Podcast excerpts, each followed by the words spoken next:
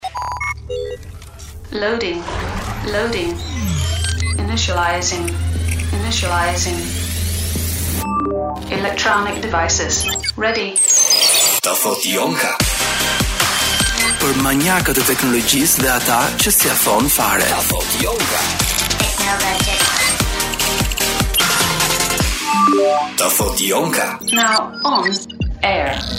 Uhu, përshëndetje dhe mirë se takohemi dhe mirë mbrëma, gati gati, mirë dita. Tamam, tamam të gjithë juve që jeni sinkronizuar në valët e Top Albania Radio këtu me Jonkën për të folur për teknologjinë, për atë që vdesim për të folur për çfarë tjetër. E para punës një uroj që të jeni mirë dhe uroj që të mos jeni djegur, Nëse je djegur, uroj ta kesh mësuar uh, mësimin më së fundi dhe uroj që të, të jeni duke na dëgjuar nga brigjet e bukura të detit Jon ose Adriatik, s'ka rëndësi kjo, meqenëse dëgjohemi gjithandej nëpër Shqipëri, uroj që të jeni edhe nëpër cepa të tjerë të Shqipërisë. Meqenëse ra fjala nëpër cepa të tjerë të Shqipërisë, sot nuk jam me me me me Wizin tim, jam me me Kloin. Kloi, hi, ç'a bëhet? Si je?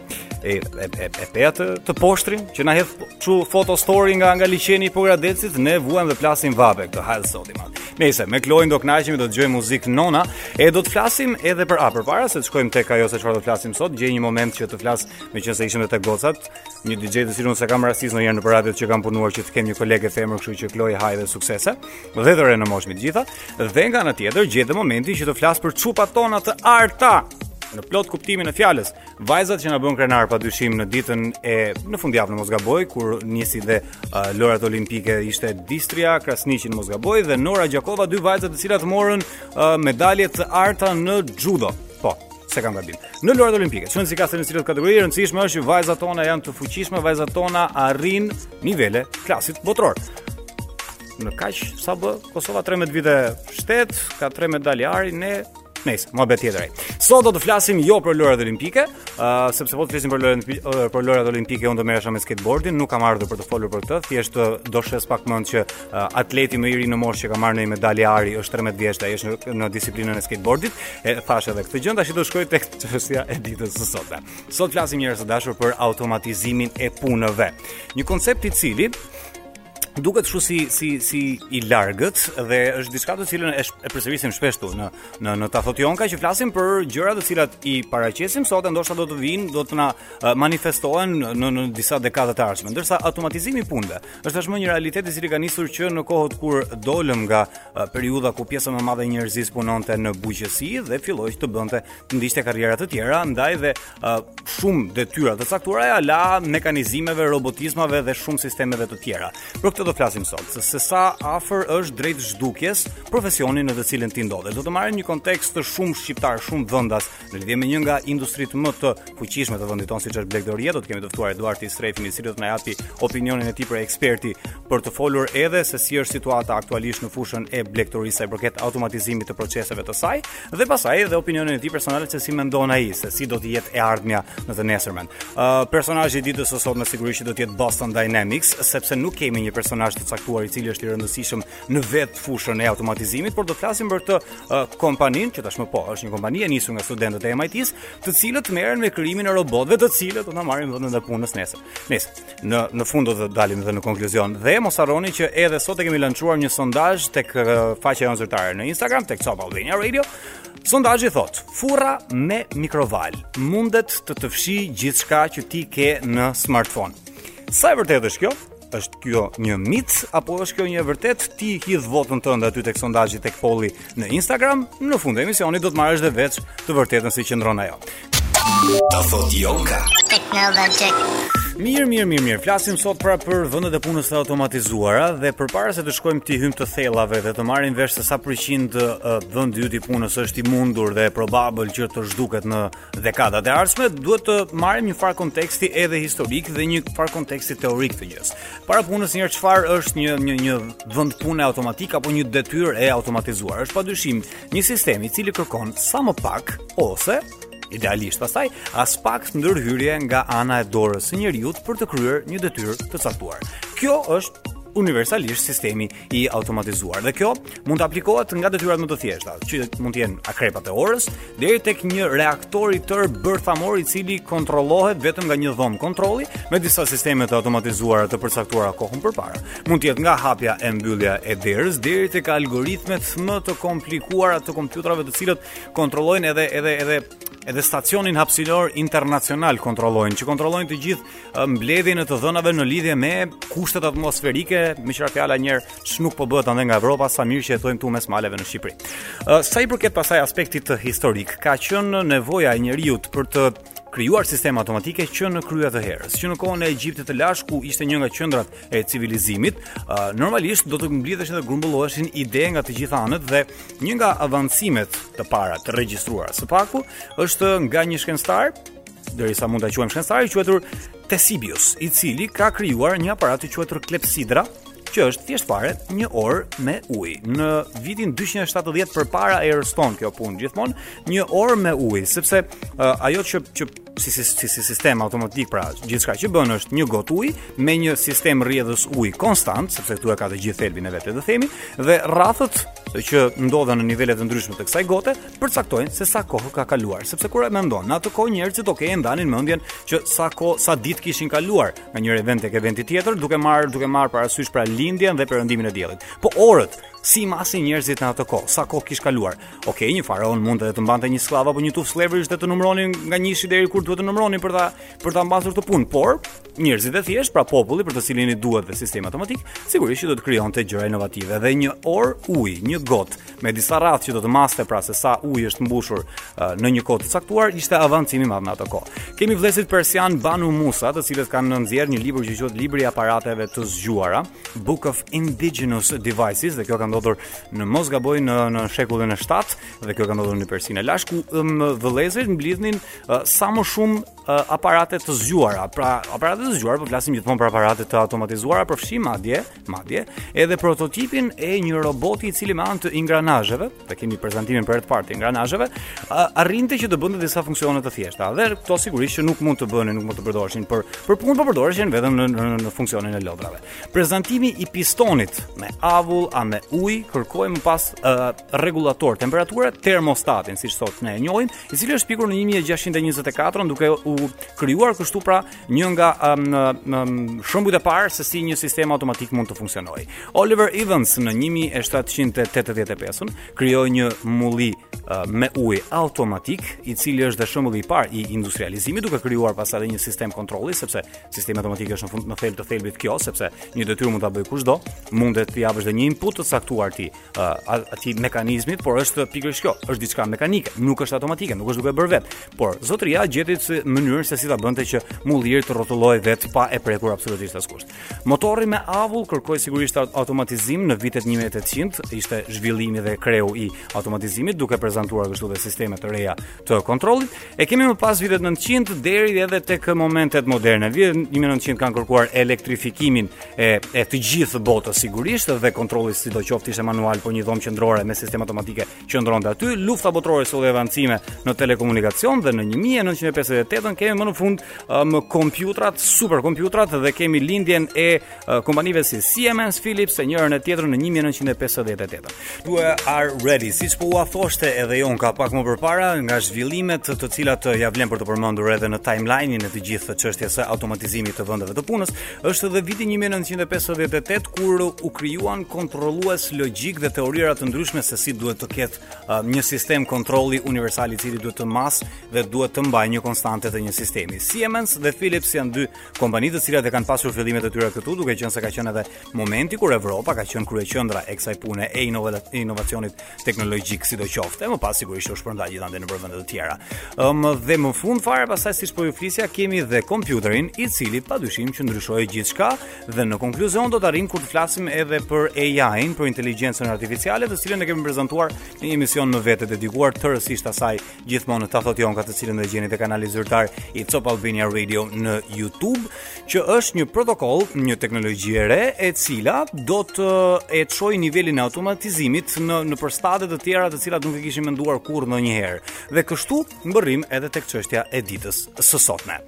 Sa i rrezikuar je ti që të të humbasë puna? Sa duash? Të gjithë pak a shumë. Kur edhe unë si moderator apo si aktor kam sipas uh, Universitetit të Harvardit diku tek 38% që në dekadën e ardhshme të automatizohet, të merret vendi im i punës nga roboti, imagjinojeni se sa mund të se sa e mundshme është për vendet e tjera të punës të detyra le të themi kështu punët e përditshme. E para, nëse puna jote konsiston në marrje porosie, në transport apo transaksione parash, plako jo më shumë se sa një dekadë, një dekadë e gjysmë dhe nuk ekziston fare ky lloj pune.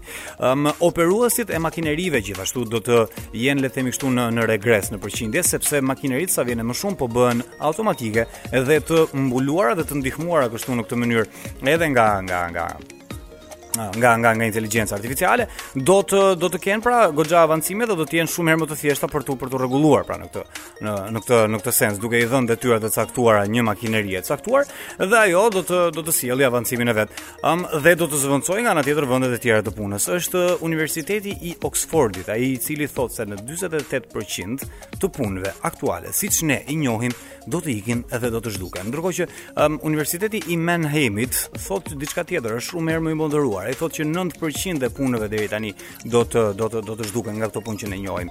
Dhe një kontribues shumë i mirë i ruajtjes së balancave nga ana tjetër është dhe heterogjeniteti, heterogjenitetizimi, nëse mund ta quajmë, i ambienteve të punës, pra i një miksi midis robotëve, të cilët sigurisht që do sjellin shumë shumë shumë shumë gjëra uh, pozitive, pra le të themi kështu duke hequr uh, goxha uh, rrezikun që njeriu mund të marrë. Pandemia na tregoi absolutisht se sa vulnerabël dhe në thonjza se s'dua të tingëllojë kaq keq, i panevojshëm është njeriu dhe jo efikas është njeriu i cili mund të marrë viruse.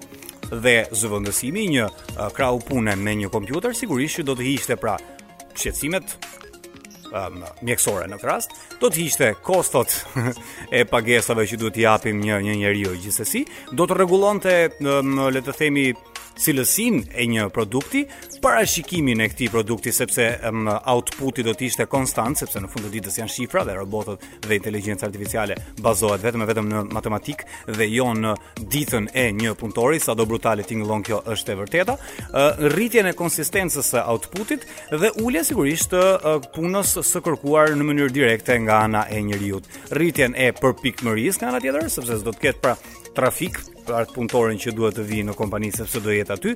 Këtu janë sa i përket disa aspekteve pozitive se çfarë do të sjellë automatizimi i punëve.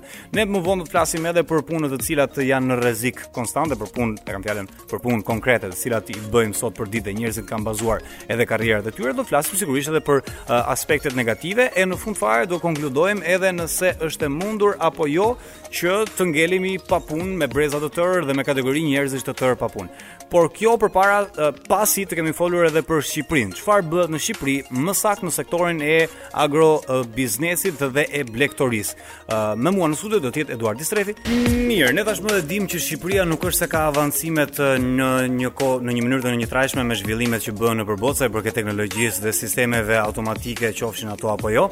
Por nga ana tjetër sigurisht që kemi edhe në sektorët tanë dhe ndërhyrjen e teknologjisë dhe automatizimit të kësaj pune. Një nga sektorët më të rëndësishëm ekonomikë të Shqipërisë vazhdon të mbetet sigurisht edhe blegtoria, ndaj dhe ne kemi kështu një opinion për situatën aktuale në Shqipëri, sidomos në këtë sektor. Unë kam të ftuar, kam kënaqësinë të kem të ftuar një ekspert të kësaj fushe dhe njëkohësisht një sipërmarrës, përfaqësuesin e kompanisë Sano Istrefi, Eduard Istrefi. Hello Edi, përshëndetje. Faleminderit, faleminderit për ftesën. E para një herë uh, do na marrin robotët vendin e punës apo jo? Jo, nuk besoj që do të arrijë ndonjëherë që robotët të zëvendësojnë forcën mm -hmm. njerëzore, por automatizimi i sektorit mm -hmm. blegtorisë ka arritur do të vijë. ka rritur goxha. E para që t'i prezantojmë dhe njerëzit të, që kush je dhe çfarë të lidh ty dhe me temën e ditës së sotme. Në sipërmarrja juaj, në në cilin sektor është e e përfshirë? Ne operojmë në sektorin e bujqësisë dhe blegtorisë mm -hmm. prej 25 vitesh. Por mm -hmm. kohët e fundit jemi fokusuar shumë në sektorin e blegtorisë. Mhm. Mm për faktin se sistemet e automatizimit në këtë sektor kanë avancuar goxha dhe ne i kemi implementuar shumë edhe në Shqipëri këto mm -hmm. këto lloj sisteme. Dhe pra ka ka një nivel automatizimi të të blegtorisë edhe në në në vendin tonë. Po, po patjetër. Uh -huh. Ka edhe në në vendin tonë domethënë ka mm -hmm. ka shumë ferma që tashmë janë pothuajse 99% të automatizuara. automatizuara.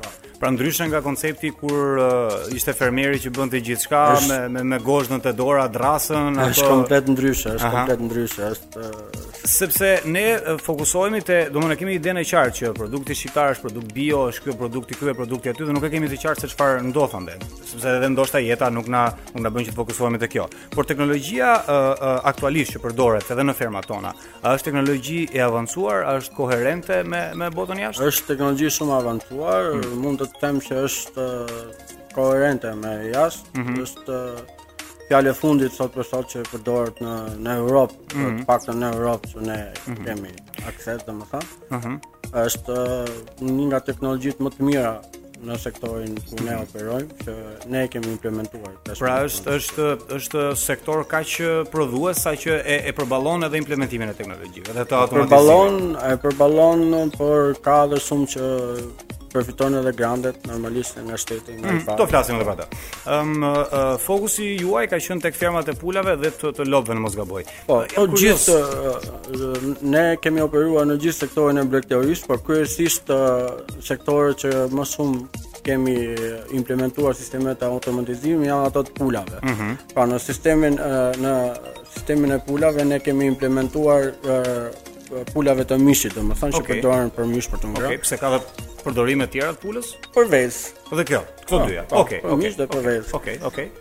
Ne kemi implementuar gati 99% të sistemit të rritjes së zogut nga 24 orë që del nga veza deri në momentin që arrin peshën optimale për t'u konsumuar. Mm -hmm. Aha, dhe është një proces i tërë i, i 99%. Domethënë për një fermë me 25000 krerë uh, zogj, mm -hmm. ne na mjafton vetëm një person për ta menaxhuar për të një njeri vetëm. Një njeri vetëm. Dhe ky sistemi pra përfshin edhe inkubimin e e e e embrionit apo s'ka nevojë më jo, pastaj. Jo, jo, nuk ka pra. lidhje me embrion. Ne ne ne flasim uh, për zogun 24 orë kur del nga veza. Ai ka dalë po dhe është tashmë i rritur. Dhe deri që futet në fermë. Mhm. Mm dhe trajtohet me ushqim deri në momentin ku arrin peshën optimale për mm -hmm. të mhm. Për t'u konsumuar nga Edhe më pas do flasim edhe për sistemin e e, e lopëve dhe për të kuptuar se si na vjen në tavolinën tonë ai mishi cilin konsumojmë dhe sigurisht flasim edhe për fermerin shqiptar edhe për mbështetjen që merr nga shteti nga instanca të tjera. Mirë, mënyra se si ferma dhe uh, vendi i punës në blegtori funksionon ka ndryshuar plotësisht në këto dekadat e fundit dhe më shumë për të na folur për këtë ne kemi Eduard Istrefi nga Sano Istrefi për të na folur ed, edhe për mënyrën se si funksiononte pra uh, një fermë e pulave, nga teknologjia që përdoret deri tek niveli i automatizimit që është në të aktualisht në Shqipëri. Po, nëpërmjet nëpërmjet një kompjuteri i cili instalohet në sallën e kontrollit të fermës, mm -hmm. uh, ne marrim informacionet që na na na transmeton nëpërmjet disa sensorëve që vendosen brenda në fermë. Mhm. Mm pra janë sensorët që marrin informacione po, për kemi për kemi sensor temperature, lagështirë, ngrohje, wow. ventilimi, aspirimi dhe që gjithë këto sensor na transmetojnë informacion mm -hmm. te mhm. kompjuteri. Pra nuk duhet të shkojë fermeri te secili zog dhe ta jo, kontrollojë atë. Okej, okay, aha. Absolutisht. Wow. Ë uh, ky informacion përpunohet nga kompjuteri uh, në bazë të një uh, paraprogramimi që i kemi bërë atij, mm -hmm. që ne na intereson. Mhm. Mm Ai i na i çon informacionet tona edhe tek menaxheri i fermës në, mm. në, në telefon, në celular Dhe gjithçka menaxhohet në mënyrë perfekte mm -hmm. nga ky kompjuter mm -hmm. Dhe nga dita e parë deri në ditën e fundit që ne që është... duhet që zogu të rrijë në fermë mm -hmm. Që është pjekur më pas edhe mund të po, çohet edhe për, po, për, për po, konsum që, që është maturuar si mish dhe mm -hmm. është gati për konsum Dhe e njëjta gjë funksionon edhe për, për lopët në këtë rast Jo, është uh, proces tjetër komplet te lopët ku të si funksionon në në në në rast. Sistemi i lopëve ka ka menaxhim komplet tjetër, mm -hmm. është një ndërlidhje ndër nëpërmjet një programi. Mm -hmm. Ky program lidhet me sistemin e mjeljes mm -hmm. dhe një mikrochip i cili vendoset në qafë te lopa, jo mm -hmm. nën lëkurë, po jashtë. Okej. Okay. Ky mikroçip na jep informacion. Pra se po na del çipi te pjata e jo, gjellës. Jo, nuk ka lidhje. Ky informacion është shumë okay. ky çip na jep informacione shumë të volitshme mm -hmm. në për për për atë lopë, domethënë. Mm -hmm në lidhje me konsumin e ushqimit, gjendjen fizike që ka ajo, mm -hmm. kur është gati për t'u mbarsur, domethënë, ëh, mm -hmm. sa litra qumësht ka prodhuar, gjithçka domethënë, nga dita e parë ku i vendoset ky microchip deri në ditën e fundit, ky mikroçip na jep informacione te programi kryesor ku mm -hmm. i mhm. kemi për gjithë lopët. Ëh, mm -hmm. na jep informacionin që ne na intereson. Që, që dhe, dhe bëjmë ndërhyrjet për çdo gjë nga nga mënyra farmaceutike, po, nga të gjitha ndërhyrjet. Kjo është në aspektin e menaxhimit të fermës drejtpërdrejt te lopët. Aha. Ndërsa në aspektin e ushqimit në fermat e lopëve ka makineri moderne, të cilat mm -hmm. tashmë kanë hyrë edhe në në Shqipëri. Mhm. Mm kanë hyrë edhe në Shqipëri. Këto janë makineri që marrin marrin në lëndën e parë të ushqimit, mm -hmm. silazhin për shembull. Mhm. Mm bëjnë përzierje automatike dhe po në mënyrë uh, automatike shkojnë e, e çojnë drejt për mhm. drejt në vendin e ushqimit të lopës. Uh, pastaj sa i përket edhe edhe fermës le të themi punës në fshat. Uh, fermeri shqiptar sot, A e ka ende të bazuar punën e vet të gjithën në në, në forcën e krahut apo ka sisteme automatike? Ka sisteme automatike normal, po flasim për fermerë që tashmë e kanë kthyer në biznes, mm -hmm. unë po e quaj fermer profesional. Mm -hmm. Ata shumë pak përdorin forcën e krahut, mm -hmm. për mhm. mos me thënë fare. Mm -hmm. Tashmë Fe, ka fermer që në në shtëpi që mund të mbajë një kafshë normalisht e okay, përdor okay, forcën e krahut. Për përdorim personal. Por ne ne bëjmë ne flasim për fermerë që kanë mbi mm -hmm. 100 lopë për shembull që mhm. menaxhojnë, mm -hmm. është një biznes i mirëfilltë, mm -hmm. edhe shumë fitimprurës normalisht. Mm -hmm. Ëm um, për sa i përket vendeve të punës që ofron blegtoria në Shqipëri, ka shifra për këtë për këtë punë? A ka ka rritje, ka ulje? Ka pra... rritje, hmm. duke pas parasysh se viti që shkoi ishte vit i mbrapshtë për gjithë ne. Po, okay. Ka rritje në rreth 19% e GDP-së të mm -hmm. prodhimit vendas e zë bujqësia dhe blegtoria në mhm. Shqipëri. Mm -hmm. Domethënë që shifrat janë gjithmonë në rritje, mm -hmm.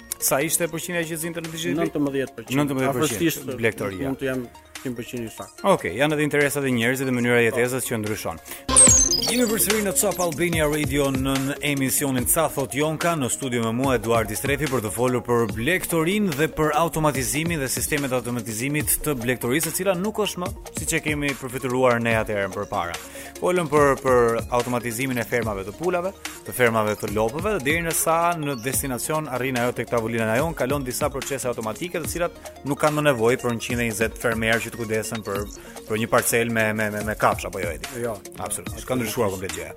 Ëm um, dhe më the që në GDP është pjesë e rëndësishme e GDP-së sonë, uh, po. blegtoria. Sa ishte Blegtoria dhe bujqësia, janë të dyja shkojnë bashkë. Të dyja bashkë dhe sa shkojnë konkretisht? 19%. 19%. Dhe kjo shifër është në ulje,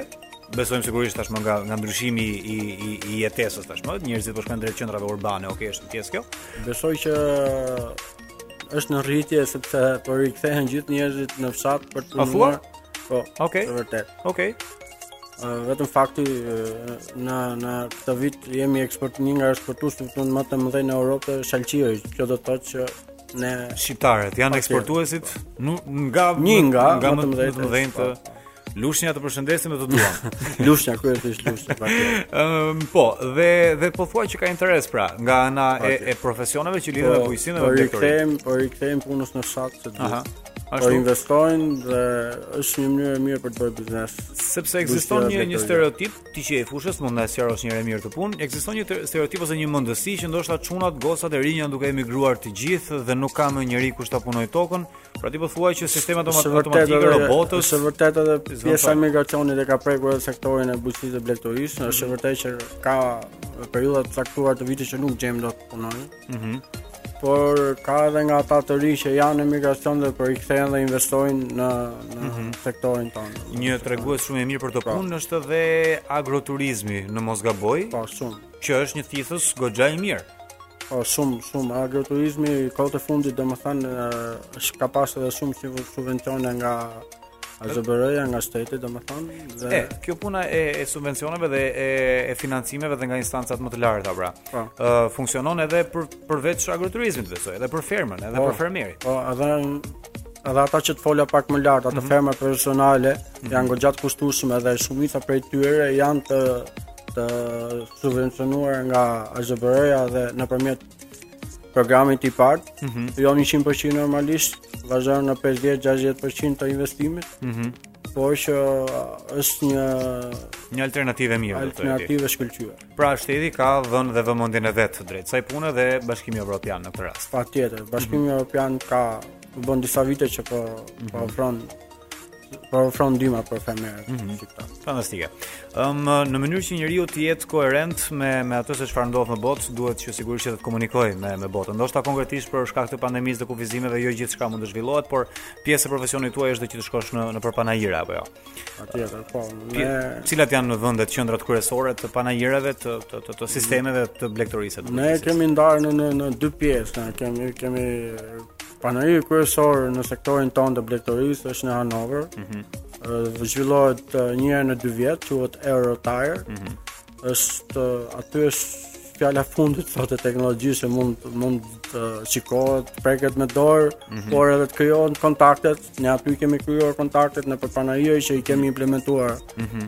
Edhe në Shqipëri. Dhe shikon e kemi ndarë në dy pjesë të thash për vetë faktin që në panair në Hanover janë shumë të shtrenjta, mm -hmm. shumë të kushtueshme, ndërsa për buxhetin e fermerit shqiptar kemi parë edhe nga ana e turkut, Mm -hmm. Janë goxha të mira, por me kosto goxha më të ulët se sa produkti gjerman. Mm -hmm. Qartë.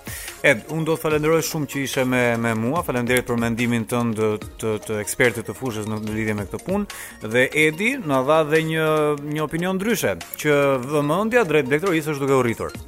Faleminderit ju për ftesën. Gjej rastin edhe një herë të bëj thirrje gjithë fermerëve që të aplikojnë pranë sistemit të uh, AZBR-s mhm. nëpërmjet uh, mm -hmm. uh, IPARD-it për të përfituar grantet që që ofrohen nga këta. Faleminderit Edi që ishe me mua. Gjithë të mirat Faleminderit, respekte. Jep, jeni në këtë ca thotë jo nga të fundit për këtë sezon për të folur në lidhje me automatizimin e vendeve të punës ose me pyetjen e thjeshtë fare, a do të na e marri roboti vendin ton të punës? Përgjigja mund të jetë edhe po edhe jo, varet se çfarë lloj pune je duke bërë. Nëse je kurioz, ekziston një website i cili të të, të jep edhe një përgjigje në lidhje me këtë. Will robots take my job? Will robots take my job? pikë com është një kalkulator, një lloj përllogaritësi në rast se robotët do marrin vendin tënd të punës. Nëse nëse je kurioz, hidhi një sy shpejt e shpejt. Okej, okay. flasim për automatizimin dhe për faktin se si më um, ka disa aspekte të mira dhe aspekte të këqija. Okej, okay, aspekti në kryesor negativ në të cilin bazohemi ka të bëjë në lidhje me marrjen e një vendi të punës pra dhe të ngeljen e një kategorie të madhe të njerëzve jashtë loje dhe pa të ardhura të vazhdueshme megjithatë ka goxha njerëz që kanë prezantuar zgjidhje për këtë punë dhe do të ceken dhe më vonë e nga ana tjetër ka edhe dizavantazhet e veta implementimit tek avantazhet folëm pak më parë në lidhje me lehtësimin e jetës së njerëzve duke larguar njerëzit kështu nga stresi i rrezikshëm i vendit të punës nga mundësitë për t'u uh, për t'u vrarë, pra le të themi, dhe nga ana tjetër duke larguar njerëzit edhe nga ambiente dhe mjedise të vështira, siç janë vullkanet, siç është hapësira, siç janë zonat nukleare, pra radiacioni e shumë gjëra të tjera. Nën ujë, me thënë të drejtën, vende ku jeta është gjithmonë në rrezik, ama ka dhe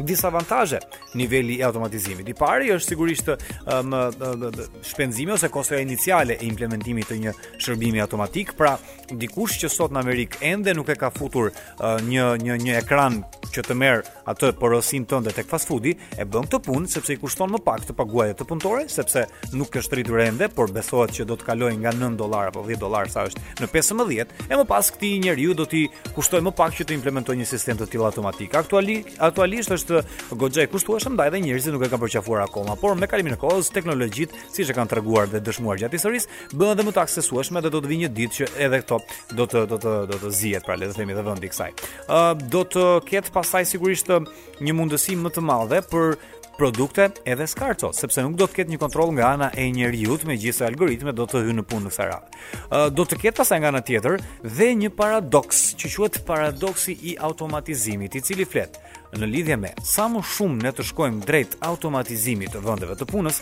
aq më shumë do të kemi nevojë për intervenimin e dorës së njeriut, sepse imagjinoni pak nëse ndodh një gabim i vetëm në një sistem i cili uh, është i programuar në këtë mënyrë, pra që të të, të krijojë të të japë një shërbim apo një produkt të caktuar. Një gabim i vetëm mund të thyejë të gjithë zinxhirin e prodhimit të asaj pune dhe do të kërkojë pastaj edhe më shumë investim human që ta rikorrigjojë atë sistem, ta fikë, ta korrigjojë dhe ta rivëjë përsëri në punë. Ndërsa, në rast se do të ishim në një skenar ku pjesa më e madhe e këtij procesi përbëhet nga dora e njeriut, njeriu ka një logjikë, ka inteligjencë të mjaftueshme sa për ta parandaluar katastrofën gjigante, po themi. Kjo gjithmonë në kushtet ideale, përjashtime ka sa të duash. Ndërsa sot e kësaj dite jemi duke folur për një periudhë në të cilën automatizimi është totalisht i pashmangshëm.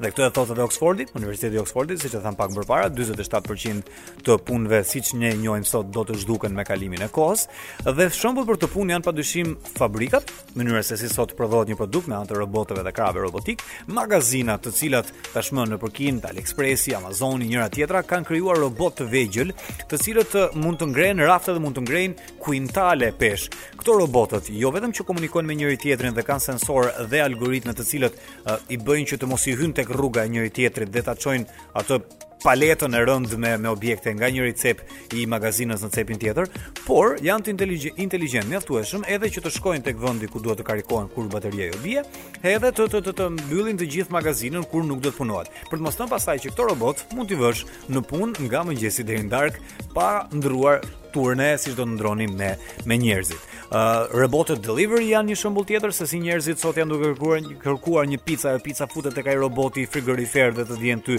në derë pa pasur kështu nevojën e një njeriu që do ta sjelli ushqimin. E njëjta gjë pastaj edhe për makinat automatike, të cilat aktualisht janë duke u testuar në në Amerikë uh, dhe nga ana tjetër ka dhe implementime shumë super të shpejta në në lidhje me këtë punë drejt bërjes së kësaj gjëje publike, sepse një person uh, privat mund ta blejë një makinë automatike dhe t'i shtypi ato butonat që t'i japi deri diku në njëfarë niveli autonomi, por jo se mund të dali rrugëve të ndonjë shteti të planetit tonë Tokë ende dhe dhe t'i thotë makinës më ço nga pika A në pikën B pa qenë fare te sedila e shoferit. Jo, kjo është ende e jashtëligjshme, ndërsa përderisa Google, Waymo dhe shumë kompani të tjera janë duke duke kontribuar Uber dhe shumë kompani të tjera duke kontribuar në këtë punë. dhe kanë krijuar dhe testet e tyre uh, për këtë punë, do të thotë që shumë shpejt taksia do të të vijë tek dera dhe në sedilen e shoferit nuk do të ketë asnjeri. Çfarë do thotë kjo? Shoferët, edhe ata të kamionëve dhe ata të çfarëdo lloj transporti janë një nga profesionet më të rrezikuara. E mos harroni nga ana tjetër që në Top Albania Radio në Instagram ju kemi pyetur um, furra me mikrovalë të fshin gjithçka që ke në smartphone. Është kjo një e vërtetë e madhe apo një mit Të vërtetën do e merrni vesh vetëm pas pak, ndërsa sot e kemi kapur me profesionet të cilat janë duke u automatizuar dhe ju bëj një listë të shpejtë me profesionet të cilat janë më të mundshme që të zhduken. I pari është një agjent udhëtimi, i cili absolutisht është tashmë e qartë që nuk do të ekzistojë më në vitet në vijim, sepse tashmë sistemet automatike, të cilat nuk kanë nevojë fare për ndonjë lloj roboti, thjesht për algoritme, të fuqizuara në telefonin tënd, do të thotë që nuk do të kesh më nevojë për një konsulent fizik, kashierët gjithashtu do të jenë të zhdukur me kalimin e kohës. Kjo për shkak edhe të pandemisë e cila na vërtetoi që nuk duam të kemi më kontakte me njëri tjetrin, por vetëm transaksione nga njëri aplikacion tek tjetri. Kina është një tregues shumë i mirë i kësaj pune. Shërbëtorët ose shërbyesit ose punonjësit e fast foodeve nuk do të ekzistojnë fare, sepse sikundër edhe Amazon Go e vërteton ti do bësh porosinë tënde tek ekrani Sapo të hyn, robotët andej matanë do bashkojnë të gjithë ingredientët dhe ti do të marrësh atë produktin tënd në fund fare në daljen, në daljen e kësaj pune. Uh, bankat dhe filialet e tyre sigurisht që do të kufizohen edhe më shumë dhe këto do të ulin sigurisht dhe vendet e punës, do të ketë sigurisht banka qendrore, sepse njeriu do të ketë nevojë për konsultat me ekonomistin e vet ose me uh, ekspertin financiar ta quajmë kështu, por duke qenë se uh, tashmë transferta e parave, sidomos mundësuar edhe nga ana e blockchainit, sa vjen e po bëhet edhe më uh, e automatizuar, pa dyshim që edhe ky do të jetë një vend pune i cili është në rrezik. Pastaj të gjithë punëtorët e manufacturing, të prodhimit të sendeve, nga më industrialet deri tek veshmbathjet, edhe këta pa dyshim që janë nga njerëzit më të rrezikuar, sepse dhe kjo është tashmë një teknologji ose të, të, të, të disa teknologji të implementuara, të cilat do të nuk ka nevojë për inputin njerëzor. Një arbitër i një sporti nuk do të jetë më i nevojshëm, uh, VAR-i i i FIFA-s e tregoi më së miri këtë punë dhe besoj kjo do të kalojë edhe nëpër vende të tjera dhe ka edhe plot profesione të tjera. Një prej tyre është druvar, pastaj edhe telemarketer, pra call center-at dhe kam përshtypjen kjo nuk do të ndodhë njëherë në Shqipëri, se Shqipëria jonë ka të tregun e vet sigurisht. Dhe po, konkludojmë. A do të na i marrë vendet e punës roboti? Edhe po, edhe jo. Jo, sepse nuk do të ngelemi pa vende pune, thjesht automatizimi do të eliminojë disa detyra, por nuk do t'i heqi punët përfundimisht. Rasti i ATM-së është një prej tyre. Sot ti nuk e imagjinon dot jetën pa një ATM apo një herë një kohë, por një herë një kohë kur ato u prezantuan, konsulentët e bankave mendonin se ky ishte fundi për punën e tyre. Jo, banka ende ka sot, karriera të suksesshme në botën e bankimit ende ka sot. Dhe mendoj kështu.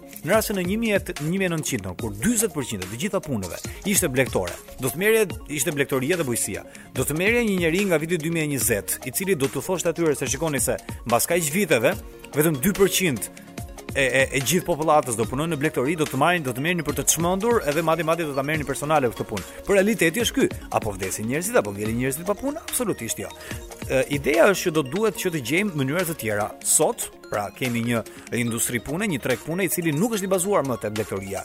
Kemi kemi ekonomist, kemi programues, kemi njerëz që punojnë në mass media, në social media, madje ka dhe njerëz që kanë një karrierë dhe një jetë të tërë të tyre të bazuar në social media në Facebookun që e përdornim atëherë vetëm për Texas Hold'em poker e për kështu gjëra të tilla. Sot njerëzit e bazojnë karrierën dhe jetën e tyre këtu. Kripto padyshim që do jetë një mënyrë e re për të jetuar. Edhe do jenë kambistët e rinj këta. që merren me me kripto. Çfarë do të ndodhi? Taksimi i makinerive është diçka që e ka prezantuar edhe Elon Musk, një koncept të cilin edhe Luksemburgu dhe disa shtete të Evropës e kanë prezantuar që ka të bëjë me universal income, që do të jetë një pagë universale që do ta marrë absolutisht çfarëdo lloj individi banues në shtetin tënd, e cila padyshim që do të vijë nga taksimi i këtyre robotëve. Kompanitë të cilat do të implementojnë këta robotë, pra, do të kenë një taksë të veçantë e cila do t'i kthehet përsëri njeriut, çka do të çojë kështu pra në një jetesë edhe më ideale, atë jetën që kemi parë nëpër ato filmat fantashkencorë që njeriu duhet të punojë fare pak dhe kushtet për të jetuar një jetë të rehatshme do t'i ketë tek duart e tyre. Ua, Akon-i, sa kishim pa e dëgjuar. E di ti, Kloi, që Akon-i e ka lënë muzikën, domethënë, jo, ajsash, sepse tashmë produksionet e reja vërtetojnë të kundërtën e kësaj që thash, por është duke u munduar që të ngrej një qytet në Senegali, i cili do mbështetet i gjithë në blockchain. Në këtë teknologjinë që krijohen këto kriptomonedhat e njëjta, ka investuar i biri botës. Dhe është kompania e parë e cila është afrikane dhe investon në Amerikë. Prej këtij, të birit të botës, Akonit. Bukur. E lamë te puna, flasim për këtë pra, për automatizimin e vendeve të punës dhe arrijmë në konkluzionin. Automatizimi pa dyshim që nuk do të ndalet, thjesht ne duhet të mësojmë karriera të reja. Ndoshta jo ne që na iku koha tani, por ndoshta brezi i Kloit dhe ata fëmijë të cilët kur t'i pyesin se çfarë do të bëjnë, është e mira në radhë të parë që të kenë disa alternativa në lidhje me karrierat që duan të bëjnë, sepse është një botë e cila evolon shumë shpejt, ndryshe nga dekadat dhe shekujt më përpara, dhe në rast se duam që të gjejmë një punë e cila nuk do të zvendësohet nga automatizimi duhet të mendojmë për punë që nuk janë të bazuara në detyra rutinë, të cilat kërkojnë kapacitet dhe interaksion social, mendim kritik kompleks dhe problem solving kreativ. Në rast se ti gjen një lloj karriere e cila të bazohet mbi këto shtylla, pra, Ti je i bindur që vendin tënd të punës nuk do ta marrë absolutisht asnjëherë asnjë lloj roboti, asnjë lloj AI. Dhe për këtë mbajmë përgjegjësi. Ose fundja fare futja bëhu futbollist dhe kaq pastaj bëhu milioner. Po, se kemi të gjithë talentin që të jemi Cristiano Ronaldo. Po, mbërrim edhe në konkluzion në lidhje edhe me sondazhin e ditës së sotme, ndikuar edhe nga filmat apo nga serialet që shohim zakonisht që kanë të bëjnë me teknologjinë dhe në këtë rast përmend edhe Mr. Robotin si një nga serialet më geek, i cili edhe ka të vërteta edhe nuk ka të vërteta në ato që që transmeton. Ë uh, dhe ka edhe mitizime në këtë në këtë në këtë fushë. Sot i kemi pyetur, furra me mikroval mund të të fshijë gjithçka në smartphone, më konkretisht e kemi këtu me Rami Malek, i cili sa herë që merrte hard disqe të cilat i hakonte apo i vidhte apo i bënte ç'i bënte, sa herë që donte t'i t'i fshinte se çfarë kishte në to, i fuste tek furra me mikroval, shtypte butonin që duhet të shtypte dhe supozohej që gjithçka ishte e shkatruar.